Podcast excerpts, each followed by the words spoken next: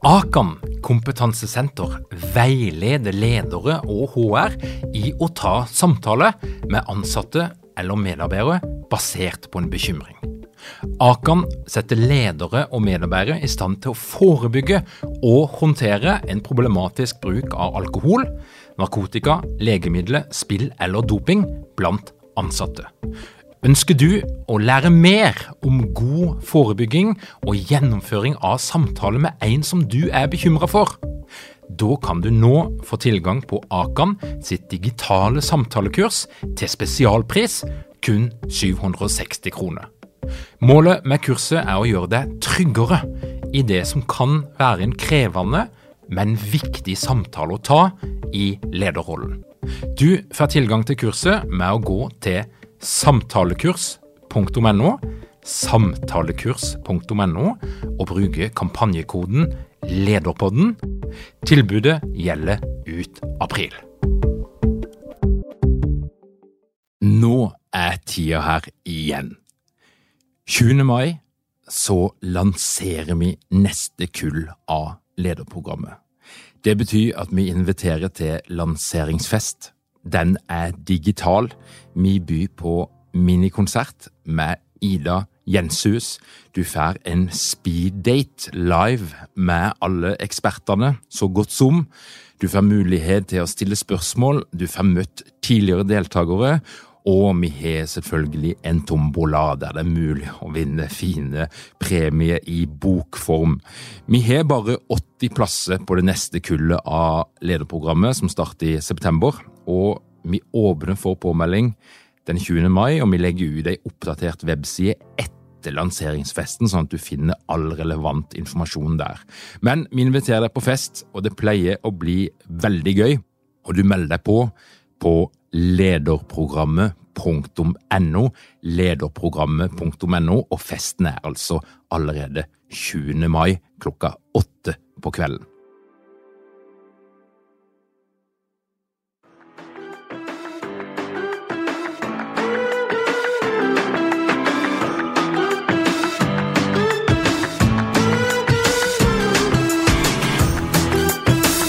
Velkommen til Lederpodden.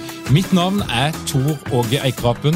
Jeg jobber som organisasjonspsykolog, og dette her er en podkast om ledelse. Fafo lager med jevne mellomrom en rapport om det å være varsler i Norge. Og Regelmessig så kan du lese i avisen om varslere eller saker der noen påberoper seg å være en varsler, mens noen andre kanskje mener at de kun er en vanskelig medarbeider.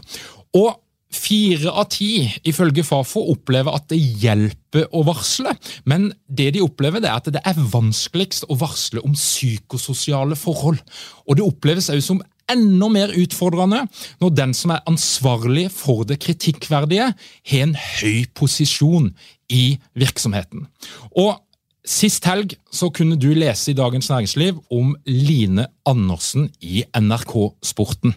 Der var det en historie som er sånn som de historiene ofte er, nemlig at arbeidstakeren har en mulighet til å brette ut sitt narrativ, sin opplevelse av saken, mens arbeidsgiver er bonde av taushetsplikt og kommer med begrensa informasjon.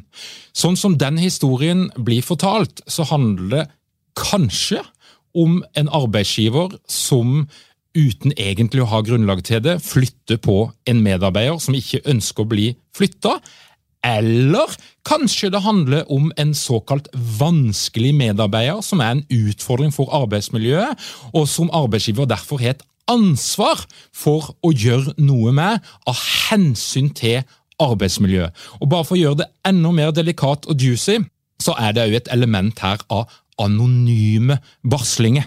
Og som dykken som hører på Lederpodden vet, så er anonyme varslinger og anonymitet generelt noe dritt, for det det fører til paranoia.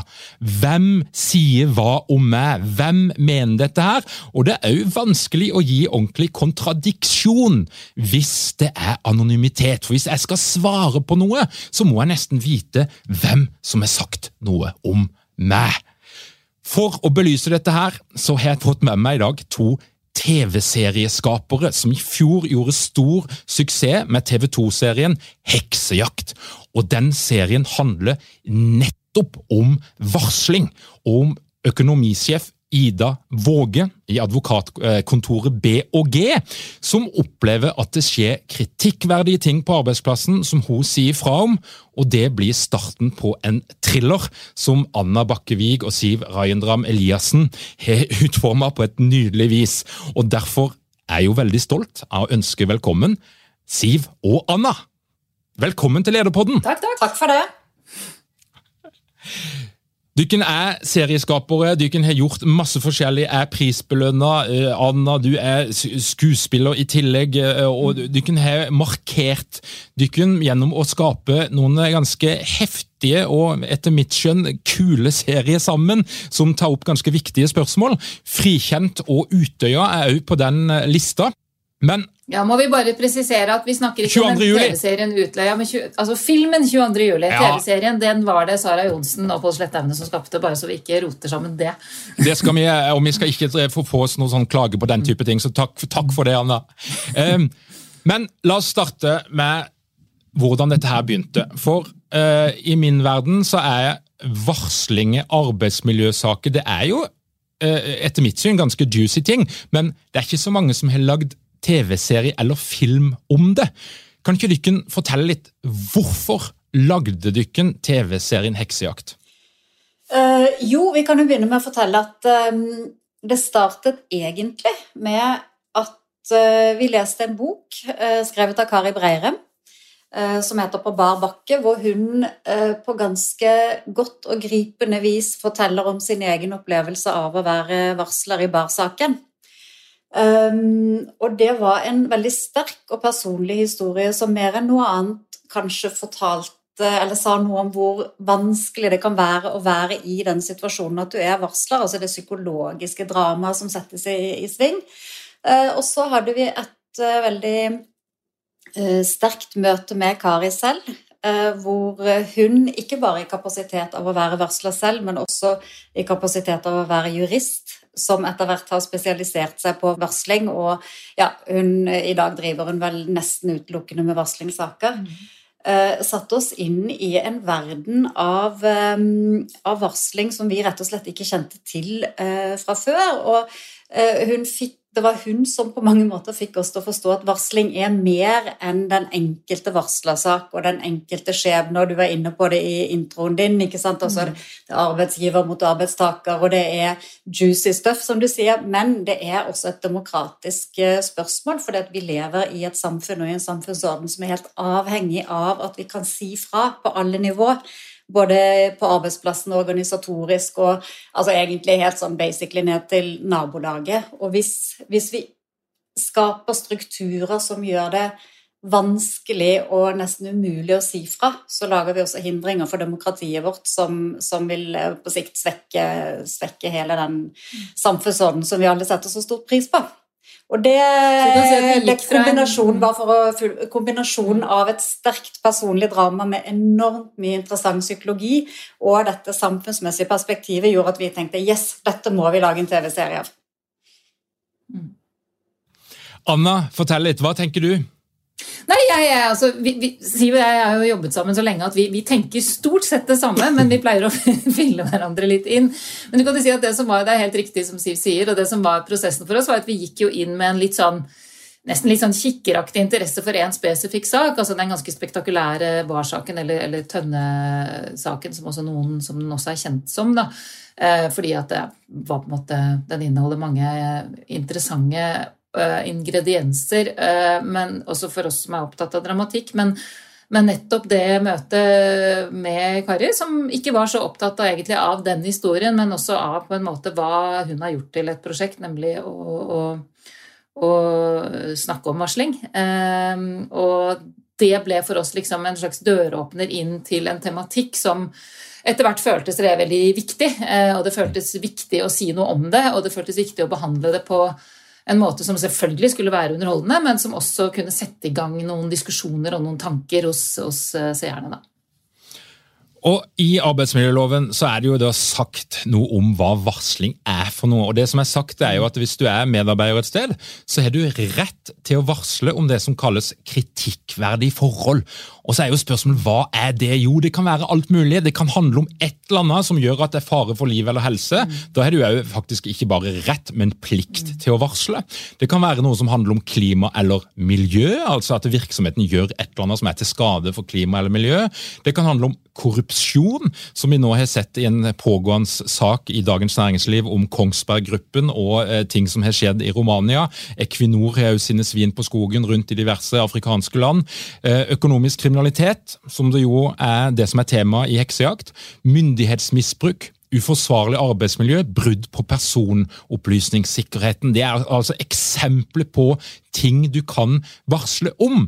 Og så er det jo en liten sånn nerdete uh, liten forskjell her, det er jo at uh, i, sånn som en tenker i, i, arbeidsmiljøloven, så er altså en varsling noe du gjør på vegne av andre enn deg sjøl. Mm. Det er altså ikke kun på vegne av din egen sak. Da kalles det en klage, som altså er noe litt annet rent juridisk. Men en varsling, da varsler du om et eller annet som angår flere enn deg sjøl. Mm. Nei, det var, det var, bare for å henge med på det. Vi har jo blitt såpass nær dette i forhold til varsling, eh, vi også, at eh, nå under metoo, hvor eh, folk som har eh, klaget på vegne av seg selv om, eh, om saker har blitt omtalt i media som varslere, og det har liksom blitt en liten sånn irritasjon for oss, da, for det er jo tross alt ikke varsling, og her må man jo holde begrepene fra hverandre. Ja, ja og som om ikke metoo var vanskelig nok fra før, og full av, av gråsoner, og det er jo en veldig vanskelig og, og eh, slitsom materie å gå inn i, så gjør det det liksom ytterligere komplisert, da, at liksom de tingene ikke er helt, alltid helt på helt på stell. Mm. Og det er, jo, det er, jo, sånn at Varsling har utvikla seg til å bli et sånn folkelig begrep mm. som, som, kanskje lever litt på sida av det juridiske begrepet, men her mm. ja. skal vi iallfall være presise. Men, men, mm. det jeg lurer litt på, det er jo um, hva var det som, altså Dere gjorde jo en researchjobb. Dere mm. leste boka, det var én ting, men dere begynte jo å ja. snakke med ganske mange folk. Uh, ja. Det er jo også sånn at i ett etterkant av serien så har dere hatt kontakt med ganske mange mennesker som forteller om historier som på en eller annen måte ligner litt på det som skjer i heksejakt. Men fortell litt, hva, hva var på en måte naiviteten som dere hadde på forhånd, og som dere starta med? Ja, altså På et eller annet vis så trodde Det som overrasket oss, da, for det vi gjorde vi, vi vi gikk jo inn i både kjente og mindre kjente varslingssaker. Altså noen, eh, noen, er jo bare lett å google seg fram til, andre fikk vi høre om, og vi snakket med, med intervjuet uh, enkelte varslere. Vi fulgte en rettssak. Vi gikk liksom uh, ganske sånn bredt ut. og var bare veldig interessert i varsling en lang periode. og det som overrasket oss litt, var jo at disse sakene har en tendens til å ligne hverandre veldig. Eh, de følger ofte sånn, eh, den samme strukturen. Det blir liksom den samme fortellingen, enten det liksom dreier seg om en, en bitte liten sak i en barnehage eller en kjempestor eh, millionbedrift. Liksom, de har veldig mange likhetstrekk, og det var vel kanskje det som var mest overraskende. Og det, det viktigste da er jo at lærdommen er at det er nesten alltid veldig vanskelig å varsle. og um, det er um, det har alltid store omkostninger, uansett hvor ryddig det foregår. Uansett hvor riktig varsleren gjør ting, så, så har det omkostninger. Eh, og til dels ganske store. Og det er en overraskende høy prosent av varslere som angrer på at de varslet, selv også i de sakene hvor de faktisk fikk rett i f.eks. en rettssak i etterkant. Ja, for det var vel kanskje det aller, aller mest eh, Ikke bare overraskende, men nesten eh, sjokkerende. Det var hvor ekstremt vanskelig det var, og hvor Altså, vi har møtt varslere som eh, til og med de få som har vunnet frem juridisk med sakene sine, og til og med flere år etter eh, snakka om disse sakene på en måte som fortsatt viser at det har liksom vært eh, barnesår, rent sånn eh, sjelelig og psykisk. Eh, og som fortsatt sier da, til tross for at de har vunnet frem, at de ville ikke gjort det igjen. Og det, det var jo noe av det som gjorde at vi tenkte at dette må vi, vi må snakke om det, for eh, vi var ikke klar over det. Altså, Før vi gikk inn i dette, her, så tenkte vi at eh, ja, men selvfølgelig, hvis det er noe galt, så, så sier du ifra, og så blir det sikkert eh, ryddet opp i. Og, Og ja, For min egen del så kan jeg si at jeg har jo alltid tenkt på meg selv som en sånn sannsiger. Som hvis noe, noe galt skjedde i min bedrift eller i min omgivelse, så ville jeg selvfølgelig mm. stått fremme og, sagt fra. Og etter det vi har lært om varsling og gruppedynamikk og hvordan flokken har en mm. tendens til å bare lukke seg rundt seg selv og beskytte seg mot uh, varslere, så er jeg jammen ikke sikker. Uh, prisen er, eller kan potensielt være ekstremt høy. Og særlig når man da varsler oppover, og det er jo ofte, oftest det som skjer, da. Eller altså hvis den man varsler mot, er liksom over en i makt, og da kommer vi inn i disse maktstrukturene, og da, da kan det ofte bli veldig stygt, og det har vi jo sett liksom opp gjennom historien. Det er jo dette Shakespeare skriver om hele tiden, at uh, hvis liksom, når det begynner å handle om makt, så blir det fort krig. Eh, fordi at eh, de fleste er, eh, i maktposisjoner er mer eller mindre bevisst redd for å miste den makten. Sånn er det bare. Jeg tror bare det er veldig menneskelig. Og det er også noe sånn rart med det, for vi er jo begge mødre, og jeg tenkte mye på det liksom, i dialog. Jeg har en sønn på ti som ofte er i konflikter, og, og sånn som, eller som barn er. Da. Og eh, det er jo et eller annet med hva du liksom prøver å oppdra barna dine til. Og som voksen så er liksom rollen din Og jeg sier ofte til han liksom, hvis han har vært i en eller annen form for uh, konflikt med noen, eller noe sånt, så er det sånn det er alltid viktig å snakke med en voksen. Altså sånn, ikke sant, Når det drar seg til. Altså, da, men da, da hentet, må du hente en voksen ikke sant, hvis han begynner å slå. eller sånn, altså Det er jo det de lærer på skolen, og det er det vi som foreldre prøver å støtte opp om. ikke sant, og og, men da er det jo, så sier han, men da sladrer du jo. Det skal du ikke gjøre, for det er jo det flokken lærer han. Det er jo det gutta lærer han, at du skal ikke sladre. Og så banalt er det. Så enkle er vi også som voksne, dessverre. Det er noen sånne skolegårdsting som går igjen. og der kan du liksom noen ganger sitte litt sånn i et sånt dilemma som mor, hvor du sitter liksom med en tass og sier at eh, Men jeg har ikke lyst til å være en kjip fyr som sladrer. Uh, nei, men noen ganger er det faktisk riktig. Uh, og da sitter du litt sånn i en sånn For hva er er disse, er et, altså, I et barneperspektiv er dette et etisk dilemma. Og så viser det seg kanskje litt overraskende at det er det i et voksenperspektiv også. Det er jo som Hva eh, er ja. Det Han ene advokaten i, eh, som det varsles mot i heksejakt, han, han, sier jo i første episode til Ida som varsler at eh, du skal ikke pisse i eget reir. Uh, og det er jo voksenversjonen av uh, sladre hank fortjener bank, ikke sant? Ja. Psykologien her Dykken snakker jo om flokken og det å være mm. innafor og utenfor flokken. Og som varsler så utfordrer du lojaliteten, og du utfordrer din tilhørighet til flokken. Og når flokken føler seg trua, ja, så vil flokken bli sterkere, og flokken vil ta avstand til deg som varsler. Fortell litt. Hvilke andre psykologiske mekanismer er det dere ser i de her historiene, i de her mønstrene? Hva er det som, som, gjør at det blir så galt som det ofte blir? For det er jo nettopp det. Folk kan bli skada for livet eh, som en konsekvens av de her sakene. Jeg tenker i, i forlengelsen av dette med sladring, altså Noe av det du gjør når du varsler, det er jo ikke bare å si fra om at noe er galt, men i veldig mange tilfeller så sier du også fra om at andre ikke har sagt fra. Eh, om at andre har sett eller burde ha sett det samme som du har sett, eller burde ha eh, kunnet påpeke de samme mekanismene som du påpeker. Og når du da som den ene i flokken stiller deg opp og sier at uh, dette her er ikke greit, folkens, så er det en indirekte kritikk av de andre også. Og det er jo gjerne det man beskytter seg mot. Det blir det samme som hvis, hvis det mobbes i skolegården, og en uh, stiller seg opp og sier at hei, folkens, det her kan vi ikke gjøre, så sier du samtidig at de andre har gjort noe galt. Eh, og, og, der tror jeg det er en mekanisme som, som trer inn, at da slutter flokken rekker, og så er det om å gjøre å gjøre mm. varsleren til problemet. Og i forhold til det du spurte om, altså, hvordan går det så galt, og hvordan blir det så vondt? Det er jo nettopp fordi at for å beskytte seg selv, så er det ikke bare det at flokken ekskluderer den som varsler, men flokken gjør den som varsler, til et problem. Og, og det vi har eh, sett, og, og som, som ganske overraskende Eh, har kommet frem i vår research, det er jo at disse menneskene som veldig ofte er ganske sterke, og som er nokså autonome, for det må du, du må være ganske trygg for å, å kunne stille deg opp og varsle, de opp opplever ikke bare den avvisningen, men det å bli gjort til problemet. Altså det å bli eh, pirket på og fortalt at ja, men kanskje det var sånn, og var, var, det ikke egentlig en sak der, og var jo ikke hun egentlig litt konflikt der, så mister man liksom gradvis troen på seg selv. For når mange nok står og sier at du er problemet, så er det veldig vanskelig å så se seg selv i speilet og si at det er ikke meg. Ikke sant? Så man, man adopterer Har dere mange ledere uten trening eller utdannelse innen ledelse? Mangler dere en felles kultur og praksis for ledelse? Ønsker dere å være bedre rustet for fremtidig vekst og endring?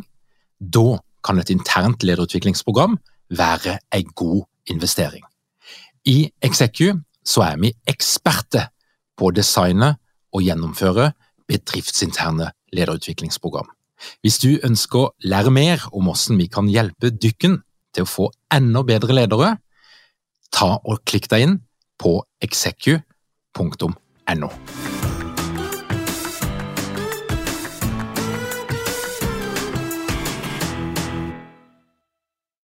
på en måte de andres blikk på seg selv. Um, ja. Og det, og det, er en ganske interessant mekanisme, for det er liksom veldig mange varslere som jeg tror havner i en situasjon hvor de til slutt ikke er sikre på om de har rett lenger. For det er så mange som står og sier at de har feil. Mm. Eh, og argumentene blir så overbevisende. Og de, det er jo ofte det vi ser i de sakene, også når de når i media, og så liksom begynner å lekke ut ting, og så er det gjerne at varslerne egentlig er kranglete, egentlig er vanskelig, har en annen sak som også har vært ikke sant, som, og, og, og, det er jo ikke sånn at det ikke kan Det kan godt hende at det stemmer i enkelte tilfeller, men eh, jeg har i hvert fall svært vondt for å tro at det, virker, at det stemmer i alle. Eh, tvert imot så tror jeg det er en ganske naturlig mekanisme. Og så tilbake til, eh, til denne eh, skolegårdsmekanismen. Jeg tenkte på det f.eks. i mange av disse metoo-sakene, som jeg ikke skal gå inn i et langt resonnement om, men, men, det som eh, der jo ofte, har jo ofte hele metoo har liksom vært et, en, et, opprop mot en kultur, da. Eller, og noen av de, f.eks. Giske-saken, som, som, jo ble veldig offentlig, og, og, og sånn, så så man jo at der handlet det jo like mye om en partikultur som av liksom, altså den enkelte. Eh, og da skjønner man jo også hvorfor argumentene mot og hvorfor frontene blir så harde. For det er jo vitterlig ikke bare én mann det har blitt varslet mot der. Altså Hvis du ser det i et litt større perspektiv. Det har jo liksom vært Hvorfor fikk det lov til å være sånn over så lang tid, når så mange hadde observert det samme? Da er det jo ganske mange flere som, som på en måte er i, i kryssilden eh, når disse sakene har kommet fram, og som står der, og som vet at de bærer et ansvar og, og har deltatt i et eller annet som, som, Og det er jo disse tingene som så hvordan kan ukultur bre seg, er jo også en interessant ting eh, i en bedrift. F.eks. i heksejakt så, jo, så, så jo, viser det seg når Ida begynner å pirke i denne økonomiske kriminaliteten, at det er flere som har visst om det. Og det er jo nettopp det hun ikke vet når hun tråkker ut. Hun varsler jo mot en enkel person eller sier at her foregår det noe. Um, og så viser det seg at her er det ganske mange som har visst, uh, og derfor blir jo de også redde. Og så går de i forsvar, og da kommer det liksom nye mekanismer i spillet. Det, I forhold til korrupsjon så er det jo ofte sånn uh, som, som, det handler om i, i heksejakt eller økonomisk kriminalitet, så er det jo ikke én mastermind som har klekket ut en uh, sinnssyk stor forbrytelse. Det er ofte veldig, veldig mange små feile beslutninger som bygger på hverandre. Og, og hvis du liksom drar ut den ene tråden, så rakner hele veven, som, som Anna var inne på. Og derfor er det så farlig å varsle om ukultur, da. Mm. Fordi ukultur har mange syndebukker. Eller ukultur, Ofte er det bare én som liksom kommer frem, men ukultur er jo egentlig mange menneskers små feil, eller at man har sett gjennom fingrene med oppførsel som ikke er ok, og så, og så syns man etter hvert selv at det er greit. Og da, når varselet da kommer, eller saken kommer på bordet, da føler jo mer enn én seg angrepet. Og da kommer motangrepet til å bli massivt, ikke sant. Og er de vanligste temaene som dukker opp? Korrupsjon er ett tema, men hvilke andre temaer er det dere ser i research og den eh, kommunikasjonen som dere kunne hatt etterpå? Du, det som har vært litt overraskende, jeg vet ikke helt om vi kan belegge det statistisk, det vet kanskje du mer om, men, eh, men eh, jeg har i alle fall i min naivitet tenkt at dette er sikkert verre i det private næringsliv, fordi at man tenker liksom at det private er mer brutalisert og mer konkurranseorientert og, og sånn. Men eh, jeg har blitt veldig overrasket over at det er så utbredt i det offentlige. Eh, og så tar jeg meg selv i, i, det jeg sier at det er overraskende, så tenker jeg samtidig at det kanskje ikke er så overraskende, for det er jo, altså offentlig er jo på en måte systemer satt i system. ikke sant? Det er mhm. byråkratiet og, og, og det er så svære nettverk av systemer som er avhengig av at, at, uh, ja, at, at systemene består. da. Eh, hvis du begynner å trekke ut en tråd der, så kan det være veldig mye som rakner. Så, så det gir kanskje mening. Men det, det, har forundret meg. At det er så mye varsling i det offentlige, og at det kan bli så vondt. Mange av de veldig vonde sakene kommer fra det offentlige. Men det er jo ofte dette med altså feil i Altså at noen har gjort feil, da, eller ikke fulgt reglene, eller tøyd reglene innenfor sitt system. Det er vel det som på en måte går igjen. altså Altså, ja, Økonomisk kriminalitet er jo liksom ganske konkret, men det kan jo også være liksom sånn, altså, å tøye reglene. Men det kan også handle om sånn dårlig stemning, da, og de sakene er jo kjempevanskelige. Da er vi over i det derre samspillet mellom mennesker. ikke sant? Altså sånn en trakasserende leder, f.eks., eller, eller en vanskelig Um, og, da, og, og, og, ofte en maktperson som har veldig mye makt, og som da det blir veldig vanskelig å varsle mot fordi at vedkommende nettopp er så vanskelig at uh, ingen har lyst til å gå i rette med, med mm. det.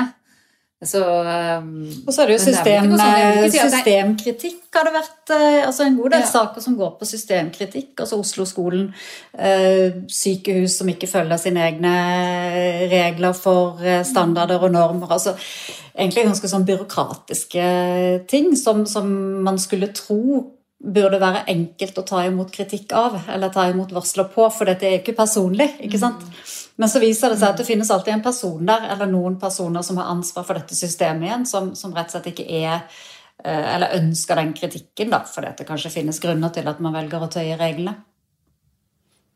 Hvis vi skal ta arbeidsgiverperspektivet her, mm. Mm. hva er det? Hvilken historie er det der? For Det finnes jo medarbeidere som påberoper seg å være varslere, påberoper seg å være trakassert, mens det egentlig handler om legitim ledelse. Altså ledere som ønsker å holde på noen rammer for hvordan det skal være på denne arbeidsplassen. her. Men hva, hva, hva er utfordringa som arbeidsgiver og ledere står i, sånn som dere ser det? Du var jo inne på det innledningsvis. Eh, altså dette med anonymiteten i varslene, og at en leder sitter på med, med taushetsplikt i forhold til eh, en del saker hvor den som varsler eller angivelig varsler, eh, kan gå ut med, med sin sak. Men til det så noterte jeg meg også at altså, en leder kan jo også sånn i rettferdighetens navn gjemme seg bak en taushetsplikt. ikke sant? Så eh, Nei, jeg tenker at eh, det, det, jeg, jeg, tror det må være utrolig utfordrende å være leder i, i den type situasjoner. Og er vi har jo også kommet borti saker under vår research hvor vi har tenkt at, at dette er det omvendte. Her er det varslingsinstituttet som brukes som et våpen i en, i en eh, konflikt mellom arbeidsgiver og arbeidstaker. Og, og har, jeg har så, såpass lite kompetanse på, på lederspørsmål jeg har ikke lyst til å, å, si så mye om det. Men, men, eh, men Kari Breirem har iallfall vært eh, en, en, forkjemper for dette med et eksternt eh, varslingsinstitutt, eller et varslingsombud. Mm. Og jeg tenker at Hadde jeg vært leder, så hadde jeg syntes det hadde vært fantastisk med et ombud, et sted hvor man på en måte kan ta varslene for en ekstern um, granskning eller en, en, ekstern vurdering. For da ville man jo også kunne luke ut noen av de helt sånn åpenbare sakene hvor varslingsinstituttet brukes uh, som et våpen. Um, og, og, jeg tenker jo også som, som, leder så sitter man jo ofte og er part i konflikten. Uh, og da tenker jeg at det måtte være konstruktivt og fornuftig å på en måte få flyttet hele problemstillingen ut av bedriften, og ikke skulle sitte selv og, og være i, den situasjonen. For det har vi ofte sett i disse, i disse litt sånn større bedriftssakene, altså der hvor det liksom er mye, mye ressurser, da, så, så, er det jo ganske sånn Det er ikke så uvanlig at man prøver å håndtere en sånn sak ordentlig, og så bruker man da Så betaler man typisk et advokatfirma til å komme inn og og se om det er noe muffens. Uh, og det er jo litt sånn bukken og havresekken vanskelig, syns jeg. da, For det, det, sier seg jo selv at hvis en man bruker et eh, firma som man har en god relasjon til. og man, Det er jo folk som kjenner hverandre og sier skal du komme og se om vi ja, Her får du masse masse timebetalt eh, for å komme inn i min bedrift. Og her er dørene åpne. Her er bare å komme inn, og så skal du få se om du, om du finner noe gærent da. Altså, du, vi, du hører jo at det ikke nødvendigvis er en helt sånn nøytral Um, så, og det er jo det som ofte skjer, og det er jo liksom det middelet ofte ledere har. uh, At du, må, du, ringer en advokat og prøver å få sett på saken. og det er tilsynelatende ryddig, men det er litt uryddig. Så der er det jo egentlig synd at ikke vi har uh,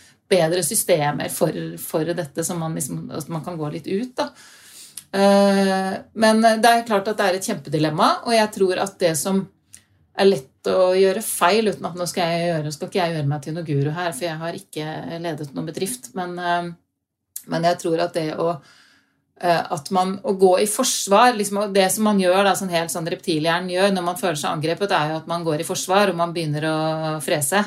Um, og uh, og jeg tror det å helt sånn mentalt prøve å stille seg åpen for at det kan være noe galt, og tørre å få det negative svaret, være liksom innstilt på at det kan skje, da tror jeg du har et mye bedre utgangspunkt for dialog. Uh, selv om det er uh, ubehagelig, da. Mm. Jeg pleier ofte å snakke om at når du ser mennesket i en konflikt, så er det ikke den reelle personligheten du ser. Uansett om konflikten er privat eller på jobb, så blir vi alle en litt tilskrudd og annerledes utgave av oss sjøl når vi er i den type press. Hva, hva, er det dere ser som kjennetegner de menneskene som er midt oppi dette her? Hva skjer med dem? Er det noen personlighetsegenskaper som, som blir framtredende? Det vet jeg ikke om jeg kan, eh, kan svare kvalifisert på, men, men eh, kan, man kan jo også forestille seg at man blir mer av seg selv. Eh, at man blir mer den man er i utgangspunktet, eller i alle fall noen av de trekkene man har, blir mer fremtredende. Og jeg hørte en, en amerikansk psykolog som beskrev mennesker som tør å varsle i alle fall, som altså mennesker som tør å ta det steget ut av flokken og heve stemmen og si fra, som, som eh, Han brukte uttrykket 'self-contained', altså hvor man er, hviler litt i seg selv og ikke er like, like avhengig av andres eh, bekreftelse. Og, og, han beskrev det til og med litt sånn, litt sånn borderline autistiske. og det er jo mennesker som kanskje kan oppfattes av eh, oss andre, da, som ikke er like trygge på oss selv og tør å si fra, som, som litt sånn kranglete og, og, vriene å ha med å gjøre. Eh, så jeg vet ikke om det er helt svar på spørsmålet ditt, men, men eh, at, at, varslere kan av mange oppfattes som, som kranglefanter, og det igjen kan jo brukes mot dem. Det er jo en god bås å få plassert noen i hvis du mm. ønsker å umyndiggjøre dem. Da er det enten kranglefante eller psykopater. Det er et stalltips. Mm. Med litt ironisk eh, overtone. Eh, men hvis, hvis dere skal komme med et råd da, til noen som er i en virksomhet, og eh, som sitter nå og ser på at det skjer ting i denne virksomheten som ikke er ok, som, som bryter noen av de rammene som vi tenker skal være i norsk arbeidsliv, hva bør du være forberedt på, og, og hvordan bør du gå fram? Hvis det er én ting denne researchen har lært oss, er det at det er ikke noe enkelt svar på det. Eh, for det kommer selvfølgelig helt an på hvem du møter, og hvor ryddig Det er jo noen saker som går bra også, la oss understreke det. Det er vel eh, fire av ti, eller noe sånt, eh, statistisk. Men ja, hva skal du gjøre da? Du skal i hvert fall vite hva du snakker om. Du skal ha dokumentert det som Du skal ha dokumentere ting veldig godt.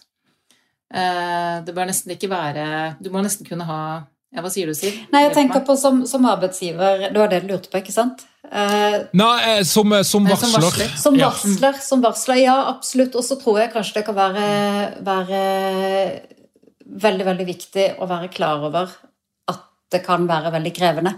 Og det tror jeg er superviktig at både en potensiell varsler og en arbeidsgiver med et potensielt varsel er klar over. Jeg tror hvis vi har respekt for hvor eh, mye det krever, og hvor sårbart det er å være den som sier ifra.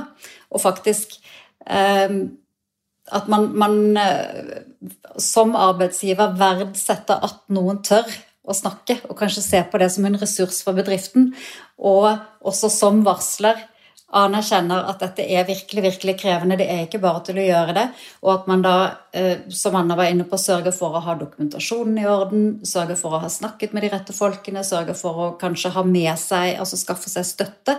Ehm, vi har snakket med varslere som har i etterkant fremholdt det at de hadde noen kjernepersoner, noen nøkkelpersoner som var på deres side, og som bekreftet deres historie som helt sånn avgjørende for ikke å miste forstanden. For det er liksom tilbake til det der med når du står helt alene og alle sier at du er gal, så holder det kanskje at du har én eller to nøkkelpersoner som sier nei da, du, du, du, er fortsatt ved dine fulle fem.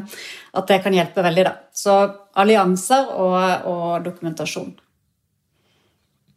Du kunne jo sett mye dårlig ledelse gjennom denne researchen, og du kunne hørt mye historie om dårlig ledelse. Og uh, Siv, nå sa du litt om det, men, men, hvis du skal spisse litt inn et budskap til ledere som ønsker å bidra til et sunt ytringsklima på norske arbeidsplasser, og da må vi si at historisk sett, ifølge Fafo, så har det ikke blitt bedre. Altså, eh, Snarere tvert imot. Det er ikke lett lettere å varsle i dag enn det det var for ti eller fem år siden. Eh, det er mange ting som blir bedre, men, men sånn all over så står det litt stille. Men, men hva tenker dere? Ledere, hvilken kompetanse er det de må tilegne seg? Hva må de trene på for å skape arbeidsplasser der folk tør å si ifra? Jeg tror det er veldig viktig å være forberedt på at det kan skje. Altså sånn, her har vi det så hyggelig, og her har vi så god kultur, og dette går så altså Det er jo ofte sånn man kan Og så er det kanskje liksom en bedrift som vokser og sånn, at det er jo sånne kulturer kan jo sette seg litt sånn umerkelig uten at man tenker på det. Men jeg tror man skal være liksom veldig bevisst på at dette fins, dette kan skje, og at man skal også være bevisst på sin egen makt. At du påvirker andre mer enn du tror, bare ved å være i kraft av å være leder. Det tror jeg Liksom, jeg tror det er veldig mange ledere som ikke tenker så mye over eh, hvordan de virker på andre, fordi at eh, ting liksom bare Man gjør jo bare jobben sin. Altså, men at man skal være klar over at uh, når folk snakker med deg, så sier de ikke nødvendigvis snakker de ikke like fritt som når de snakker med andre. Så du må ha den der bevisstheten om din egen rolle tror jeg er kjempeviktig. Og en nysgjerrighet og en åpenhet og det å være åpen for at du kan ha gjort feil, og så kan det godt vise seg at du ikke har det, men å være liksom ikke ikke gå i forsvar. Du har i utgangspunktet overtaket. Eh, så heller prøv å være nysgjerrig. Prøv å være den modige da, eh, i det. Siv, har du lyst til å gi noen avsluttende punchlines til lederne som hører på Lederpodden? Ja, det er jo, eh, For å slutte med til det Anna sier, det er jo det er et veldig teit ord som er åpenhetskultur, men hvis man klarer å skape en kultur eller en verdi i en bedrift av åpenhet og kritikk, og se på det som en eh, ressurs og mulighet i stedet for eh, et problem, så tror jeg man kommer veldig veldig langt. Altså Man må jo få ta kritikk for å endre seg, og endring eh, er jo bra. Siv og Anna, tusen hjertelig takk for at dere kom til Lederpodden. Takk for at vi fikk komme. Veldig hyggelig å få komme. Heksejakt ligger på TV2 Sumo for de som er interessert i å se den. Nydelig! Følg den reklamen, og den bør dere se. altså. Det er, et, det er bedre enn noe som helst kurs og masterclass.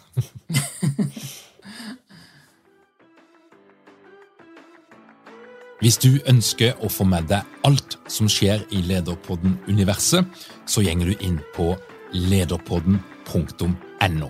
Legg igjen din e-post, så blir du med i klubben. Du får vårt ukentlige nyhetsbrev, og du blir orientert om alt det vi finner på. Og en av de tingene vi finner på, det er lederprogrammet, vårt digitale lederutviklingsprogram.